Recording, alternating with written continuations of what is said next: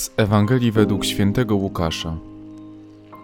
Gdy Jezus wyrzucał złego ducha, niektórzy z tłumu rzekli: Mocą Belzebuba, władcy złych duchów, wyrzuca złe duchy. Inni zaś, chcąc go wystawić na próbę, domagali się od niego znaku z nieba.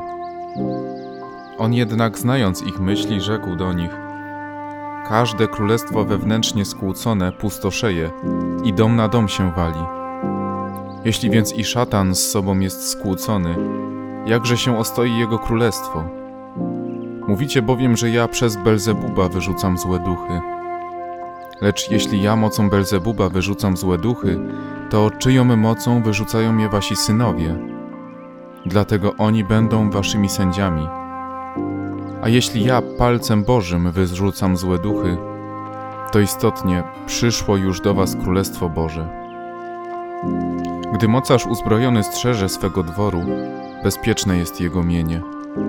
Lecz gdy mocniejszy od niego nadejdzie i pokona go, to zabierze całą broń jego, na której polegał, i rozda jego łupy. Kto nie jest ze mną, jest przeciwko mnie, a kto nie zbiera ze mną, ten rozprasza. Gdy duch nieczysty opuści człowieka, błąka się po miejscach bezwodnych, szukając spoczynku. A gdy go nie znajduje, mówi: Wrócę do swego domu, skąd wyszedłem. Przychodzi i zastaje go wymiecionym i przyozdobionym. Wtedy idzie i bierze siedmiu innych duchów, złośliwszych niż on sam. Wchodzą i mieszkają tam. I stan późniejszy owego człowieka staje się gorszy niż poprzedni.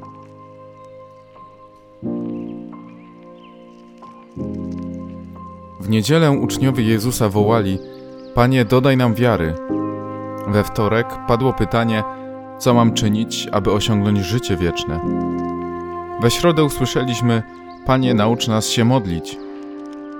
A dziś Jezus, jakby podsumowując to wszystko, po przymnożeniu wiary, mowie o przestrzeganiu przykazań i nauczeniu modlitwy do Ojca, mówi, żeby się strzec duchów nieczystych bo łatwo jest tego wszystkiego słuchać i wypełniać bez refleksji i zastanowienia. Wszystko to trzeba przyjąć jako swoje.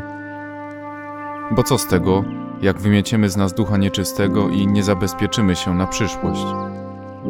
Przyjdzie kolejny i zaprosi kolegów, a stan nasz będzie jeszcze gorszy. Dlatego trzeba zapuścić mocne korzenie wiary, nadziei i miłości oraz postawić mur wytrwałości by zły nie miał do nas dostępu.